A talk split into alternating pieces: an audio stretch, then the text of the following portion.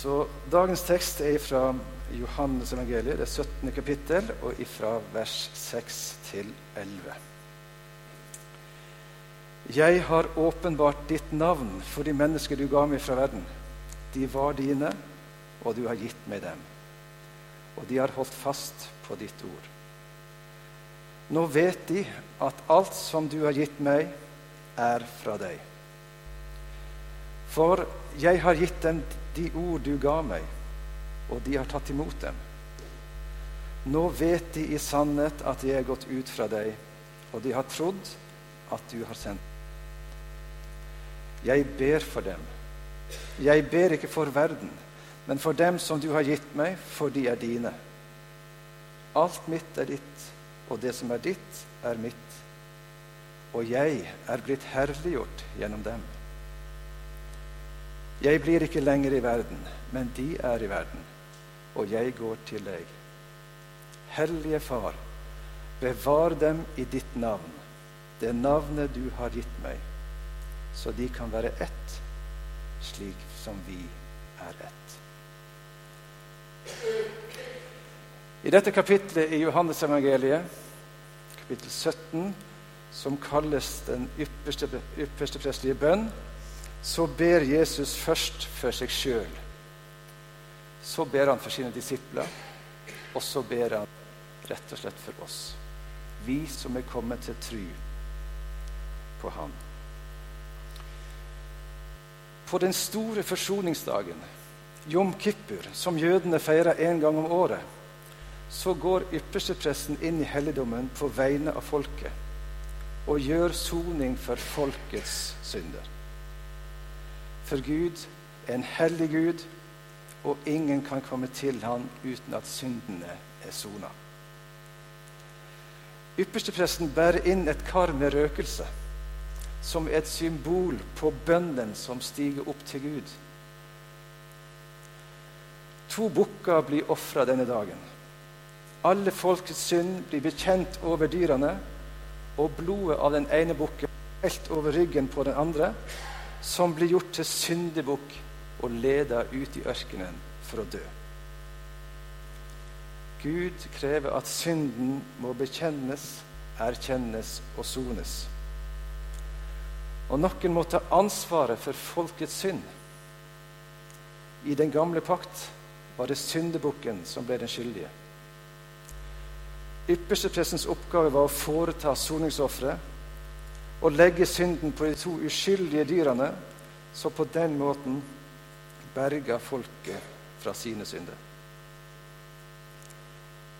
Dette er bakteppet for dette kapittelet Jesu ypperste prestlige bønn. Jesus går nå inn i ypperstepresten sin oppgave og tar ansvar for all verdens synd. Bønnen som Jesus ber i kapittel 17, det er røkelsen som ypperste presten bar inn i helligdommen. Innenfor den hellige og rettferdige må synden bekjennes, erkjennes og sones. All urenhet, alle svik, all uærlighet, egoisme og løgn. Ja, all vår synd må med, og all vår synd må sones. Så starter teksten i vers 6. Jeg har åpenbart ditt navn. Jesus har vist oss hvem Gud er. Han har vist oss Guds vesen. Vår Gud er hellig og rettferdig. Han kan ikke være sammen med urenhet og urettferdighet. For hans vesen er renhet og fullkommenhet. Han er uten svik og uten synd. Og vår Gud elsker syndere. Han kan ikke se på at folket går til grunne i sin synd, og sette i verk sin plan for å frelse oss. Og Jesus er den som er villig, og den som frivillig blir gjort til synd for oss. Han tar på seg å ta ansvaret for vår synd, og en gang for alle sone den, gjøre opp betale vår gjeld. Jesus er både ypperstepresten, soningsofferet og syndebukken. Og han ofrer livet for å sone mi og di synd. Han seirer over djevelen, synden og døden. Og Gud er fullkommen fornøyd med det offeret som Jesus har gitt. Vår skyld er betalt. En gang for alle. Vi kan komme fram for Gud, vi kan komme inn i det aller helligste, være tilgitt, rensa, hellig, rettferdig som Jesus sjøl. For Jesus tar ikke bare ansvar for vår synd og urenhet. Han kler oss opp i sin rettferdighet og renhet, sånn at vi passer inn i det aller helligste og i nærheten av den hellige. Og Bjerkreim han jubler det ut, og mange har sunget 'Takk at du tok mine synder', et høgfjell av skyld og av skam. Du bar det på skuldrene dine, du skuldløse sonofferlam. Jesus sier, 'Jeg har åpenbart ditt navn, ditt vesen altså, for de mennesker som du ga meg fra verden.'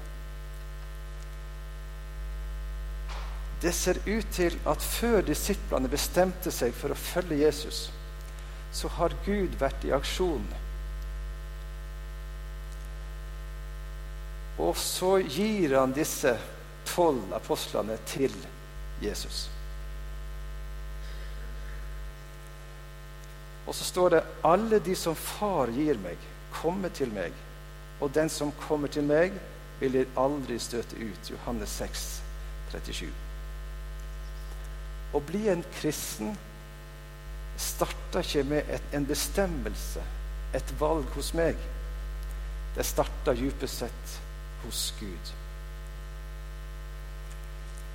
De var dine, står det i vers 6, og du har gitt meg dem.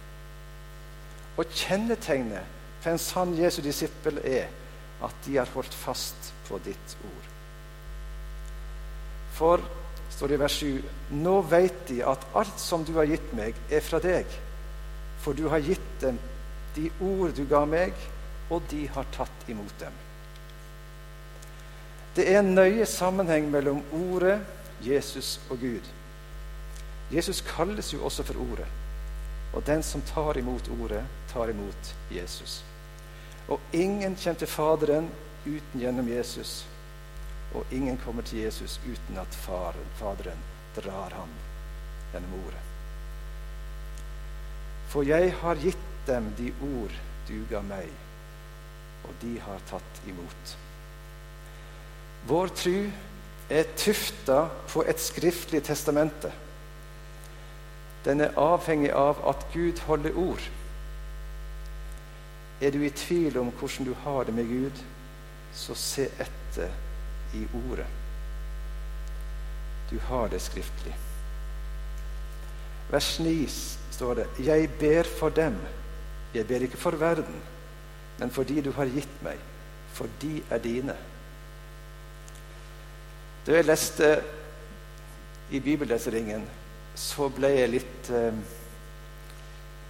eh Ikke oppskaka, men jeg syns det var veldig ransakende. For der står det nemlig Jesu forbønnsoppdrag er begrensa til dem som er kommet til tro på Han, og senere til de som til tro, kommer til tro gjennom Hans disipler.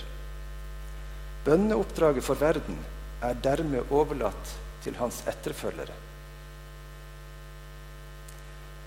Altså, vi hadde henvist til 1. Timoteus 2,2.: Jeg formaner dere fremfor alt til å bære fram bønn og påkallelse, forbønn og takk for alle mennesker. Forbønn for verden er overlatt til oss.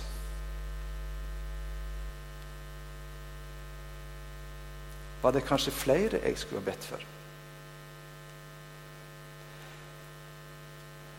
Skulle jeg vært litt mer nøye med det? Skulle jeg ha vært litt mer utholdende? Er min neste prisgitt min forbønn?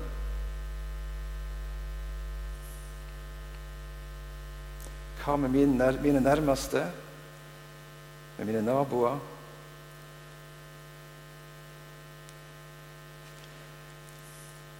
Men Jesus ba jo òg for sine fiender.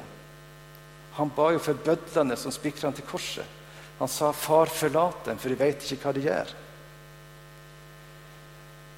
Så kom jo dagen på fredag med sin tekstgjennomgåelse. Jeg regner det er mange her som stoler på dagen. Og de tolker det sånn at i dette verset så skulle det egentlig stå Jesus ber ikke først og fremst for verden, men for dere og de som er kommet til tro. Ah, det var godt. Kan jeg slappe av litt til?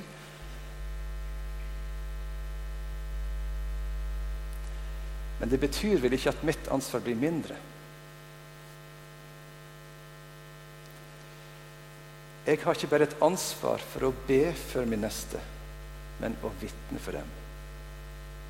Å drive misjon. Noen er avhengig av meg. Noen av mine nærmeste, noen av mine naboer, noen av de som ennå ikke er hørt, er avhengig av meg og deg. Jeg står i gjeld, ikke til Gud, men til min neste. Vers 10.: For jeg blir herliggjort gjennom de som kommer til tro. Tenk det. Jesu herlighet blir synligere dess flere som kommer til tro på ham.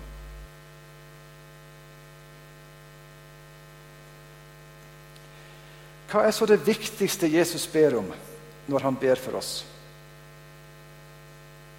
Hva er det som er om å gjøre for ham å ta fram blant mange tema han kunne tatt opp? Jo, i vers 11 Hellige Far, bevar dem i ditt navn.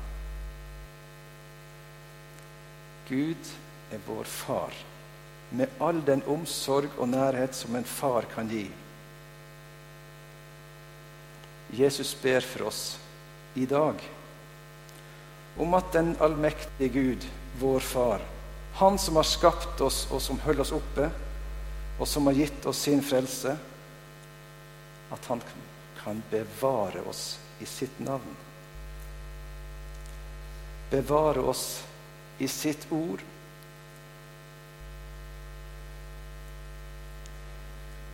Han ber om at vi må leve så nær til at vi merker varmen fra evangeliet, omsorgen fra Far, nærheten fra den hellige og rettferdige. Og så ber Jesus oss om at vår hellige Far må bevare oss fra det onde, ifra synden, ifra verden og djevelen. Ifra alt som vil skille oss ifra Gud.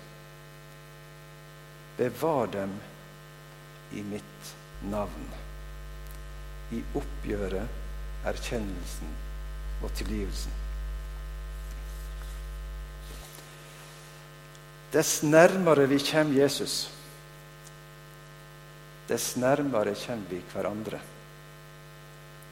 Jesus ber om at de må bli ett, slik som vi er ett. Jesus har åpenbart for oss Guds frelse. Han har gitt oss et navn vi kan påkalle.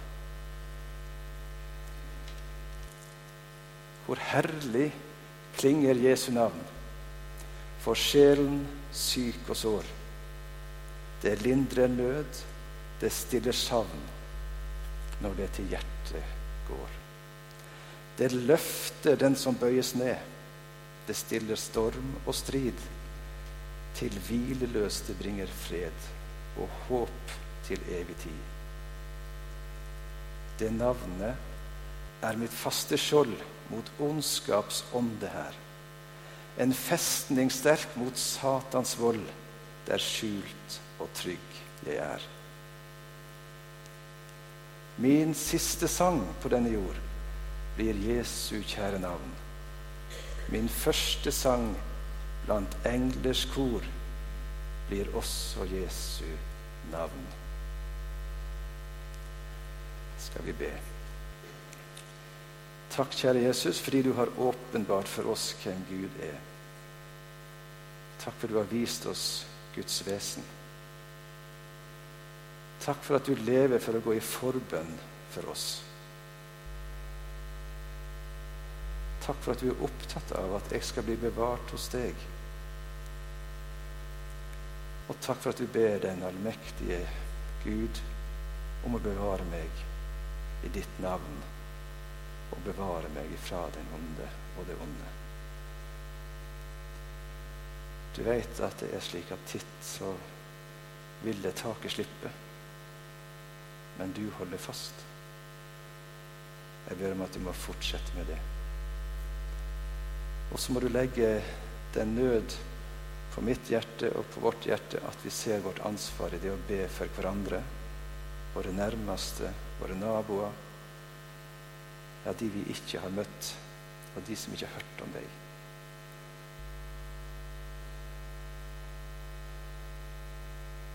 Gjør om din velsignelse over hver enkelt som er her, og din velsignelse fortsatt over møtet.